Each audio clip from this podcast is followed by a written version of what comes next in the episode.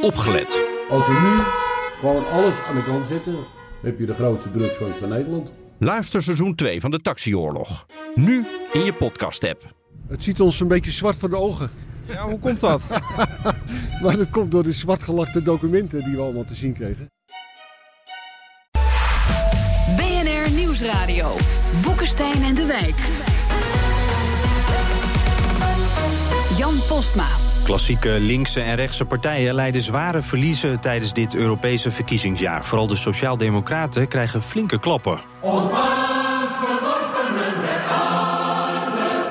Dit is een bittere avond voor de Partij van de Arbeid. En wat wil je als PvdA nog zijn in de 21ste eeuw? Is er bestaan zegt voor een partij die wil verbinden tussen lage inkomens en hoge inkomens?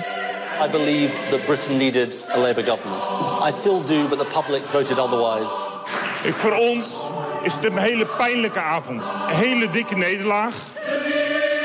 Het is alleszins het einde van een tijdperk. En zeker met Emmanuel Macron.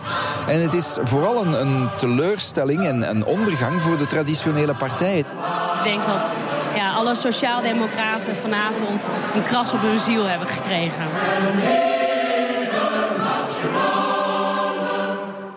Zou eens moeten zien wat hier in de studio net gebeurde. Links van mij wiegde iemand voorzichtig een klein beetje mee. En rechts van mij uh, keek iemand toch een beetje voor zich. Gelacht inmiddels weer gelukkig. ja. Uh, de PvdA bij ons, de Sociaaldemocraten in Frankrijk, in Spanje, in Groot-Brittannië. Allemaal historische verliezen. Maar ook de Republikeinen in Frankrijk en de VVD hier scoorden minder goed. Is Europa klaar met de oude partijen? Welkom bij Boekenstein in de Wijk. Op zoek naar de nieuwe wereldorde. Met in de studio, hij schudde zijn ideologische veren al bij zijn geboorte af, Arend Jan Boekenstein. En als hij praat, dan schudt het Binnenhof op zijn grondvesten. Van het lachen natuurlijk. Rob de Wijk. Geintje Rob. Moet kunnen, toch? Ja, ja, ja. Moet kunnen. Bij ons motorblok durft de PvdA wel aan te schrijven. De leider van de Europese fractie van de PvdA, Paul Tang. Welkom. En hij lacht weer hoor, gelukkig, gelukkig. We gaan het uh, eerst over de moeilijke tijden voor de Sociaaldemocraten hebben. En daarna gaan we het ook wat breder hebben over de vraag of die links-rechts tegenstelling nog wel van deze tijd is. Of dat dat eigenlijk allemaal achterhaald is. Uh, Paul Tang. Ja, het was net al eventjes in uh, 30, 40 seconden even uh, samengevat. Al die verliezen op een rijtje. Sorry, dit was het moeilijkste stukje hoor. Hierna ja, wordt het vrolijker. Uh, maar die zure appel, daar moeten we toch even doorheen. laten we even dicht bij huis beginnen. Negen zetels. waar gaat het mis? Ja, gebrek aan herkenbaarheid en, en daarmee ook gebrek aan vertrouwen. Zo eenvoudig is het. En de bestuursverantwoordelijkheid die de Partij van de Arbeid genomen heeft, heeft zich duidelijk niet uitbetaald. Heeft dat uh, mm. vertrouwen alleen maar ondermijnd, het wantrouwen opgewekt. En daarvoor zijn we afgestraft. En, en, dat is ook iets waar je zelf bij bent, toch, als partij? Dus dat, dat heeft de PvdA dan ook een beetje laten gebeuren. Ja, zeker. Ja. Uh, het is wel onderdeel, volgens mij, van een wat langere beweging die je al ziet. Dat het, uh, de, de, opkomst van het populisme, dat zet ook de traditionele partijen onder druk. En met name de Sociaaldemocraten. En als we het wat breder kijken, want dit gebeurt dus door heel Europa. Wat zijn dan volgens u de belangrijkste de oorzaken daarvan? Nou ja, zelf denk ik dat een uh, deel van de, uh, van de mensen uh, zich eigenlijk in de steek gelaten voelen. Dat, ik, ik krijg, het gebeurt ook dat mensen mij op de schouder slaan en zeggen van... je bent een aardig vent, maar jouw partij heeft mij in de steek gelaten. Dat Mhm. zeggen mensen letterlijk. En als je dan doorvraagt, is er niet één aanwijsbaar punt waarop ze dat. Maar ze hebben het gevoel er alleen voor te staan. Nou, het is natuurlijk een algemeen gevoel van onbehagen. Ja. Niet alleen in Nederland, want wat uh, jouw partij overkomt in dit land, overkomt vergelijkbare partijen in heel Europa. Uh, je ziet overal dat de traditionele partijen onder, uh, onder druk staan. En dat kan volgens mij alleen maar een internationale verklaring hebben. de wereld verandert in rap tempo. Mensen voelen zich niet meer veilig in die wereld. Uh, letterlijk en figuurlijk, uh, figuurlijk. Omdat ze denken, mijn god, hebben we dit nog wel onder controle? Uh, met die grote veranderingen die plaatsvinden. ze zien dat hun inkomen, precies eigenlijk ook ter onderstreping van wat jij zegt... dat hun inkomen eigenlijk al sinds 2000 min of meer stilstaat. Althans, de koopkracht die neemt niet uh, toe. Uh, dan heb je al dat gedoe met terrorisme, migratie. Nou, ga zo maar door. Ja, vind je het dan gek? Dat mensen zich uh, bedreigd voelen en beschermd willen worden. En als daar geen antwoord op komt, en ik denk dat dat het fundamentele punt ook is van de traditionele partijen, die hebben geen antwoord hierop, omdat er bijna geen antwoord op te vinden is. Ja, dan moet je het niet gek vinden wanneer die partijen gewoon in elkaar donderen. Maar Arend Jan, je kan wel zeggen, de problemen zijn dus eigenlijk best wel duidelijk. Dan kan zo'n uh, partij daar ook gewoon op anticiperen, toch? Ja, maar het is niet zo makkelijk natuurlijk. Hè, van, er zijn een aantal structurele factoren waar de Sociaaldemocraten niks aan kunnen doen. Een daarvan is dat de industriële sector, die van traditioneel veel vakbonden kende, die is veel kleiner geworden. De dienstensector De komt op. In de dienstsector zijn de vakbonden niet zo belangrijk, dus dan verliezen ze een poot. Tweede is de hele opkomst van de identiteitspolitiek. Hè, dus praten over de eigen nationale identiteit, angst voor de islam. Daar hebben de Sociaaldemocraten hebben natuurlijk heel lang electoraal eh, ja, moslimstemmers ook een beetje gekwaveerd. Dat is allemaal gebeurd. Hè, dat- Daar bestaan ze ook een beetje op achterstand. Ja, ik ben het op zich mee eens dat we dat. eh, we hebben bijvoorbeeld de politieke correcte jaren 80 gehad. Voor mij was dat geen goede reactie op de problemen van migratie en integratie. Tegelijkertijd, voor mij ligt het in elkaars verlengde. Dus die economische onzekerheid. Die bedreiging die mensen voelen, doet mensen ook de vraag stellen van ja, wie staat er voor mij klaar? En dan kom je eigenlijk uit bij de sociaal-culturele vraag. Dus voor mijn, in mijn beleving ligt dat dus in elkaars verlengde. Eh, maar je dus- moet dan ook wel eh, als politicus een antwoord kunnen formuleren op die vragen. En dat is heel erg lastig. Want Waarom je kunt, is dat zo moeilijk? Omdat die vragen die eh, zijn, of die, die uitdagingen zijn zo groot dat daar niet een makkelijk antwoord op te vinden is. Je kunt niet in een handomdraai de vluchtelingencrisis oplossen. Je kunt niet in een handomdraai een einde maken aan eh, de onveiligheid die gecreëerd wordt door terroristische aanslagen. Je kunt niet in een handomdraai de effecten van de opkomst van China en robotisering. Ja, en- en- eh, En ook doen. economisch. Dat kan gewoon helemaal niet. En ook Ja, economisch is het heel lastig. Neem nou dat bezoek van Macron aan Amiens. Weet je nog, met, samen met Marine Le Pen. hè. Je Dat- even uitleggen, dat was Nou, een fabriek toch waar ze ja, heen het was gingen? een Whirlpool-fabriek. en Die zou zich dus verplaatsen naar Polen. En dan zouden dus 200 arbeidsplaatsen dan verloren gaan. Nou, Marine Le Pen zegt dan heel eenvoudig, hup, grenzen dicht.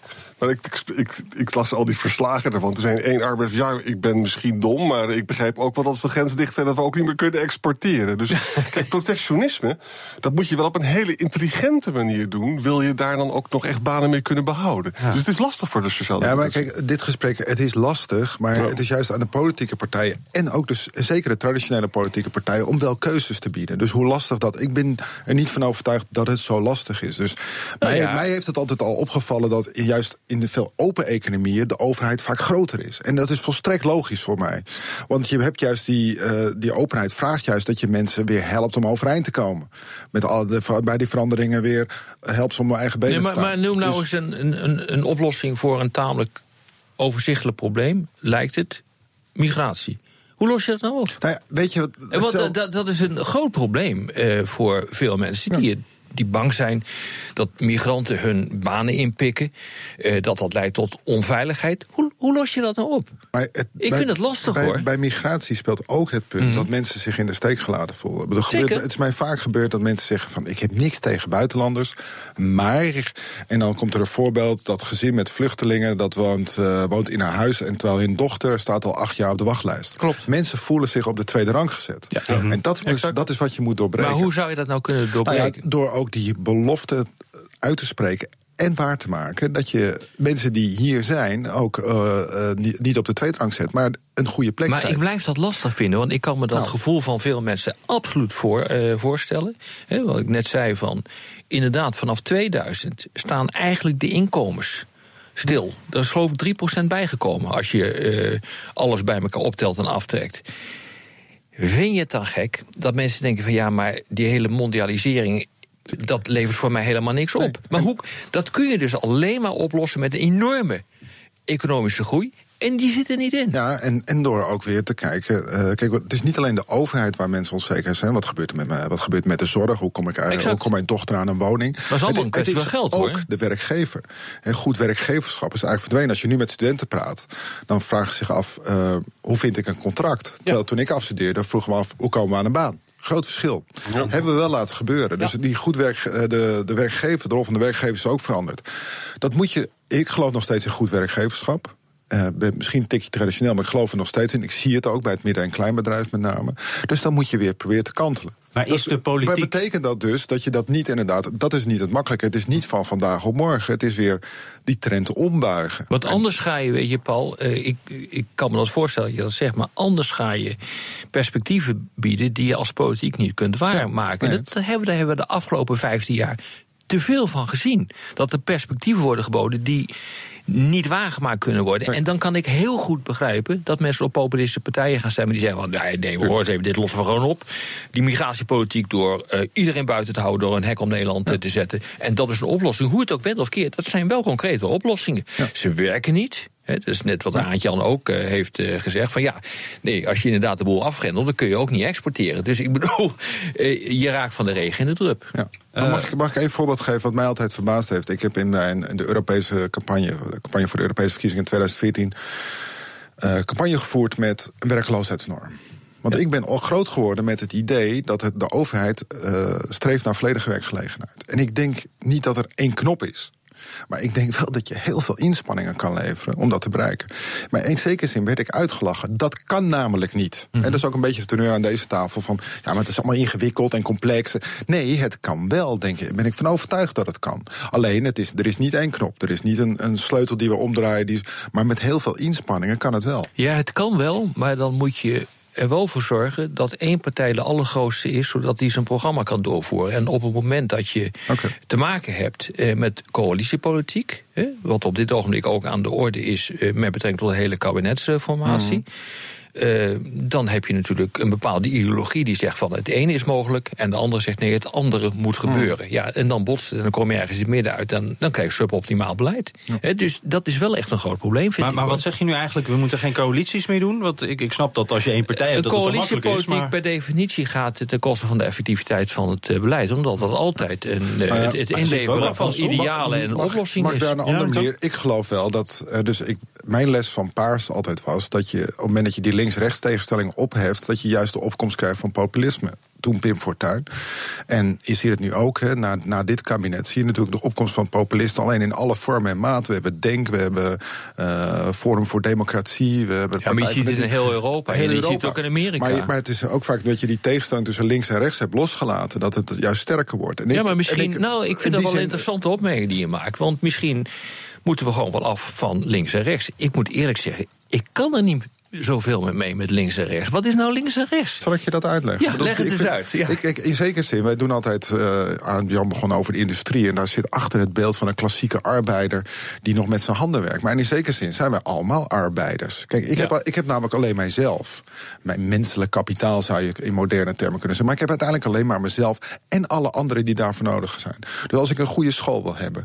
als ik een pensioen wil hebben... als de zorg voor mijn moeder er moet zijn... dan heb ik heel veel andere mensen nodig. In die zin ben ik gewoon een arbeider. En dat ja, is wat ons verbindt. Ja. Mm -hmm. nee, maar is, nee, maar daar heb ik nog steeds geen antwoord gegeven op de vraag wat, wat links en rechts is. Want dat is, dat is een deel. Nou, wij zijn de partij, uh, met een lid van de Partij van de Arbeid. En ik denk nog steeds dat dat een heel bindend element is. Dat veel mensen hebben niet. Ja, maar wat is hebben, nou links en rechts? Hebben, mensen hebben geen boot. Nee, neem, oh, geef dan dit antwoord is, op de dit, vraag. Dit is een traditionele tegenstelling ja? tussen arbeid en kapitaal. Oké, okay, maar oké. Okay.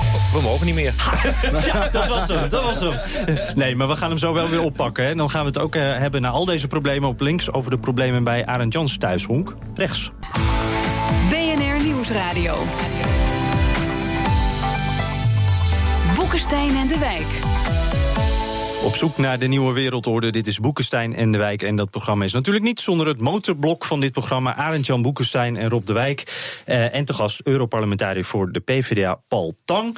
Um, nou, we eindigden eigenlijk. Ik kon er bijna niet tussenkomen, maar we moesten er eventjes uit. Uh, Rob, jij was nog bezig met een punt te maken. En toen kwam ineens dat jingeltje. Ja.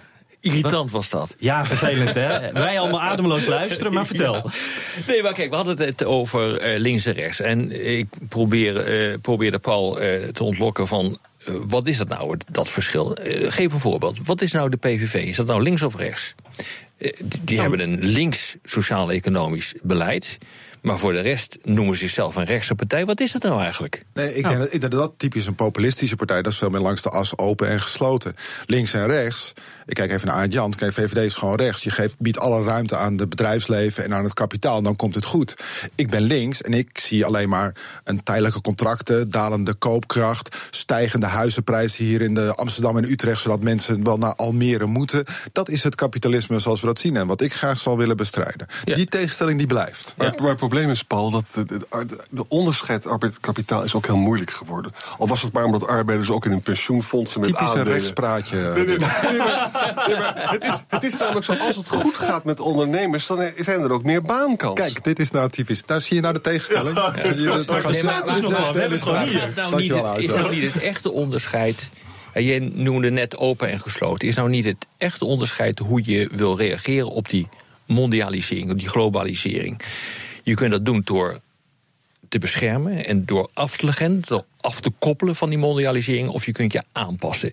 Ik zie gewoon dat dat eigenlijk het grote onderscheid is tussen eh, de politieke partijen, niet alleen in Nederland, maar ook in het buitenland. Dus meegaan in die globalisering. Ga of je mee in die globalisering of eh, probeer een land af te, te schakelen van die globalisering? Is dat een de tegenstelling? Is dat eigenlijk een handigere nee, tegenstelling dan dat links-rechts? Nee, want ik denk, ik geloof nog steeds dat, eh, dat die links-rechts tegenstelling moet alleen wel zeg maar, gecultiveerd worden. Als je hem niet benoemt, dan, klapt die, eh, dan wordt die as minder belangrijk en dan kom je uit bij de tegenstelling open en gesloten. Maar cultiveren, hoe bedoelt je dat? Nou ja, je moet dus de, de tegenstellingen durven zoeken. Dus we moeten niet Mhm. in een, een Kijk, traditionele politieke partijen moeten niet doen alsof het één pot nat is. Maar Paul, er maar- moet een de links-rechts PvdA tegenstelling de- zijn. Paul- Paul- Paul, Arend Jan, luister Arend eens. Jan. Ik ben, Arend-Jan, Arend-Jan, we zijn hier echt tegenstanders nu. Hè? Dus die links-rechts tegenstelling zoeken we nu even eh, tussen jullie uit. Arend Jan. Weet je nog Mitterrand 1983, de bekering, hè? Wat zei hij? Eliminer le constraint extérieur. Die was, wilde dus een echt heel erg socialistisch bewind Kunt u dat even vertalen voor de niet-Fransen onder ons? Het uitschakelen van het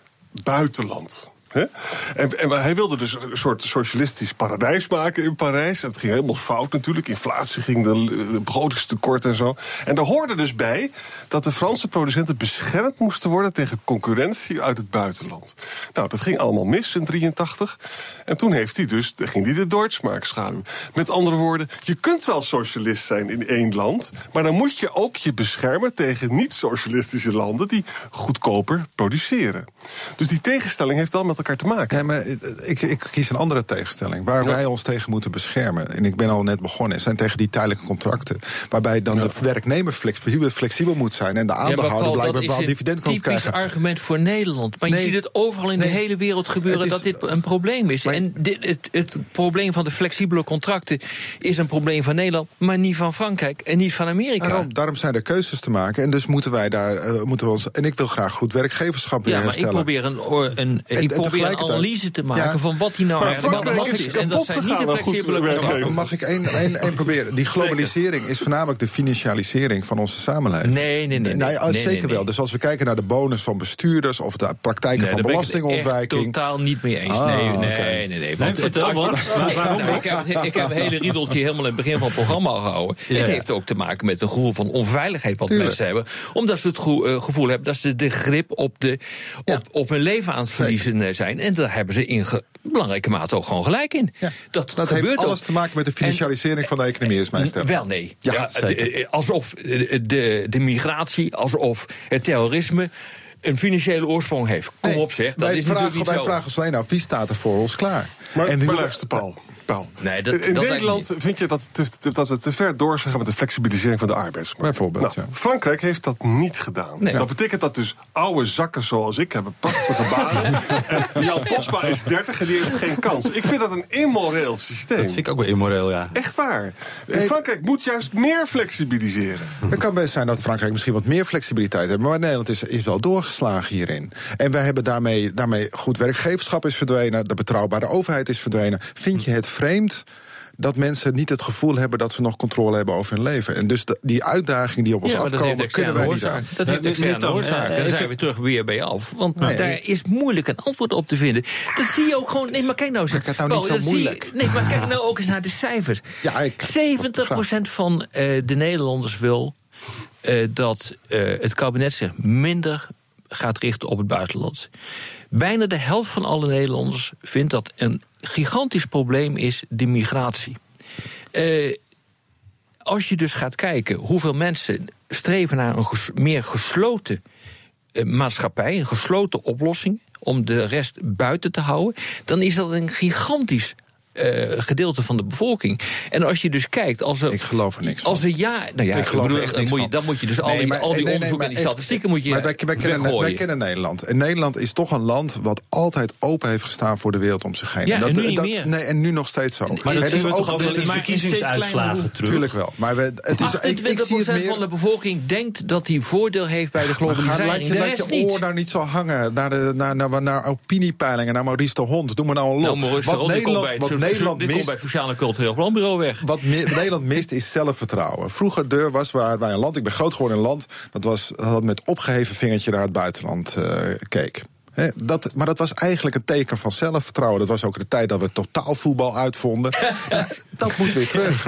Zelfvertrouwen. Die VOC en niet, en niet zo praten over het is zo Maar ingewikkeld en we kunnen het niet. Nee, het ik kan uitstekend. even de analyse maken. maar- dit allemaal komt Nou, om eh, tot een eh, behoorlijk beleid te komen. Ja, Arend. Ik, ik, Paul, ik, ga, ik gooi er wat nieuws in. Ik heb iets bedacht voor jou als oplossing. Als je, namelijk, als je nadenkt over die, die- met, die, met die tegenstelling arbeid-kapitaal ga je het niet redden. Dat ga je het niet meer redden. Maar wacht eens even. Er zijn twee dingen die kunnen gebeuren die voor jullie goud zouden kunnen zijn. Waar niemand nog aan denkt. De eerste is, stel dat je baanloze groei zou krijgen in de toekomst. Dan wordt een herverdeling, wordt een basisinkomen. En daar zijn jullie goed in. Die taal van de herverdeling, die kan Paul Tang goed spreken. Het tweede is, daar waar marktmeesters falen... en dat hebben we, zien we af en toe... dat is ook een grote sociaal-democratische inspiratiebron. Hè? Dan zeg je ook van, dat kan toch niet zo zijn... en dan moeten we misschien nog meer herverdelen. Dat zijn twee dingen die in de toekomst... misschien toch de sociaaldemocratie weer wat eh, rood op de wangen kan geven. Nee, want ik, ik, ik geloof oprecht dat eh, er ook in Nederland, eh, we zijn banger en daardoor geslotener geworden, maar dat er oprecht een hunker is naar solidariteit. En dat we daarom. Ik bedoel, we willen graag dat de kinderen naar een goede school gaan. Dat onze buurt de veiligheid, dat de sportvereniging op orde is. En daarvoor hebben we elkaar nodig. Dat komt vroeger of later weer terug. Dus ik ben ook van overtuigd dat die kentering ook voor de Ja, maar heeft dus een punt eigenlijk? Ja, nee, maar hij benoemt punten die, die, die nog steeds spelen... en die ook weer belangrijker zullen worden. Ben ik vanuit, denk dat die, Laat het even, even omdraaien. Want uh, Arend Jan Boekenstein die, die zorgt nu voor de redding vanuit rechts voor, voor links. Dat is toch altijd fijn. dat we dit nog mee hebben mogen maken. Eh, misschien kunnen we hem even omdraaien. Wa- Want ook eh, in, in, aan, de, aan de rechterkant eh, is, het, eh, is het moeilijk. VVD, eh, de Republikeinen in Frankrijk. eh, nou daar zien we ook problemen. Eh, meneer Tang, ziet u dan ook iets wat rechts anders kan doen? Oh, dit is wel een hele moeilijke. Dit is wel een hele moeilijke. Tegenstelling arbeid kapitaal opkomen. 90% inkomstenbelasting. Nee, maar ik denk, dat dit, ik denk eerlijk gezegd dat rechts het niet zo slecht doet, om eerlijk te zijn. Mag ik dat ook, eh bedoel, eh, het is inderdaad waar dat de VVD heeft een flink verlies geleden. Dat, eh, maar wel tegelijk- de grootste. Maar wel de grootste. En daar zit ook, daar zit ook bij, bij rechts zit wat anders. Of het is wat liberaler en ieder, het is meer ieder voor zich. Je hebt je eigen verantwoordelijkheid. Of het is wat co- conservatiever en realistischer. Ja, zo steekt de wereld eenmaal in elkaar. Rechts heeft wat minder, legt, legt altijd wat minder verwachtingen dan, eh, dan, dan links. Dus daarom denk ik ook Het is dat sociaaldemocraten- idealistisch ook. Minder- Daarom zijn sociaaldemocraten ook wat Dat is ook de kwetsbaarder aard voor deze discussie. En kritischer op immigratie, dat helpt natuurlijk nu ook heel erg. Hè? Nou, uh, tenslotte heren, uh, Lodewijk Asscher die heeft gezegd uh, dat het niet logisch zou zijn voor de PvdA om nu mee te gaan regeren. Zijn ook op dit moment niet in beeld. Onderhandelingen geklapt. Meneer Tang, wat zegt u ervan? Moet er toch niet een beetje voorzichtig gekeken worden? Kijk, ik bedoel, de PvdA is echt niet in de positie. Dus we zien dat partijen die op links die groter zijn, GroenLinks, SP, die zouden dan niet, uh, doen het niet. En dan moet de PvdA het wel doen. Dat slaat, dat is eigenlijk onhaalbaar. Paul, ik moet je nog wel even ook mede namens Rob en na, namens vele luisteraars. Ik wil de PvdA oprecht en hartelijk bedanken dat ze Rutte 2 gesteund hebben. Het wat verstandig beleid was. En dat jullie ook jezelf hebben opgeofferd. Ik ben daar gewoon diep van onder de indruk. Ja, van dat soort mensen moet je wel hebben. Heerlijk dit soort cadeautjes. Dankjewel, Arjan. Gas op die lolly. Ja, laten we daar dan maar mee op, uh, afronden. Uh, gaan we naar Rob. Want Rob, uh, als jij even heel erg boos wordt van iets in het nieuws... of iets wat je hoort, iets wat je leest... dan geef je even flink gas op de Ja, snelweg. veel. Wat gaf deze week reden tot extra gas en misschien wel een bekeuring? Uitspraak van Roemer. I, we blijven bij links. ja, nee, we Nou. blijven erbij. Ja, nee, eh, die zegt van de SP die moet geen bijwagen worden in dit eh, kabinet en moet zijn idealen eh, niet inleveren. Want daarvoor hebben de mensen niet op de SP gestemd. Ja, ja, jongens, hoor nou eens even. Als dat de manier van doen is, dan kan je natuurlijk nooit meer een kabinet vormen in een coalitielandschap. Uh, ik vind dat een hele onverstandige opmerking. En ik vind het ook, eerlijk gezegd, ja, het gaat mij natuurlijk niet aan om te zeggen of dat wel of niet goed is voor, voor zijn kiezer. Maar ik vind dat wel een probleem. Uh, het, wat ik überhaupt zie in de hele discussie op dit ogenblik, uh, eigenlijk ook deze discussie die we nu voeren, maar ook als ik goed begrijp wat er gebeurd is in de korte van, van de informatie, dan moet ik ook constateren dat er inderdaad een realistische stroming tegen een veel meer idealistische stroming staat. En dat klapt dan bijvoorbeeld op het hele migratievraagstuk. En dat is echt wel van deze tijd hoor, vind ik. Uh, die grote tegenstelling, uh, die zien we. En we hebben het gehad over die geweldige veranderingen die op dit ogenblik plaatsvinden in de wereld. Daar zul je op een realistische manier moeten, bij moeten aanpassen. Dat kun je niet ideologisch oplossen. Nou, en zei je net nog dat coalities zo onhandig waren, maar nu is dit dan ook weer niet goed. Uh, dit was uh, Boekenstein en de Wijk. Dank aan Paul Tang. Veel succes in Brussel en ook met het redden van de PvdA natuurlijk. Uh, u kunt altijd Arend Jan Boekenstein bellen.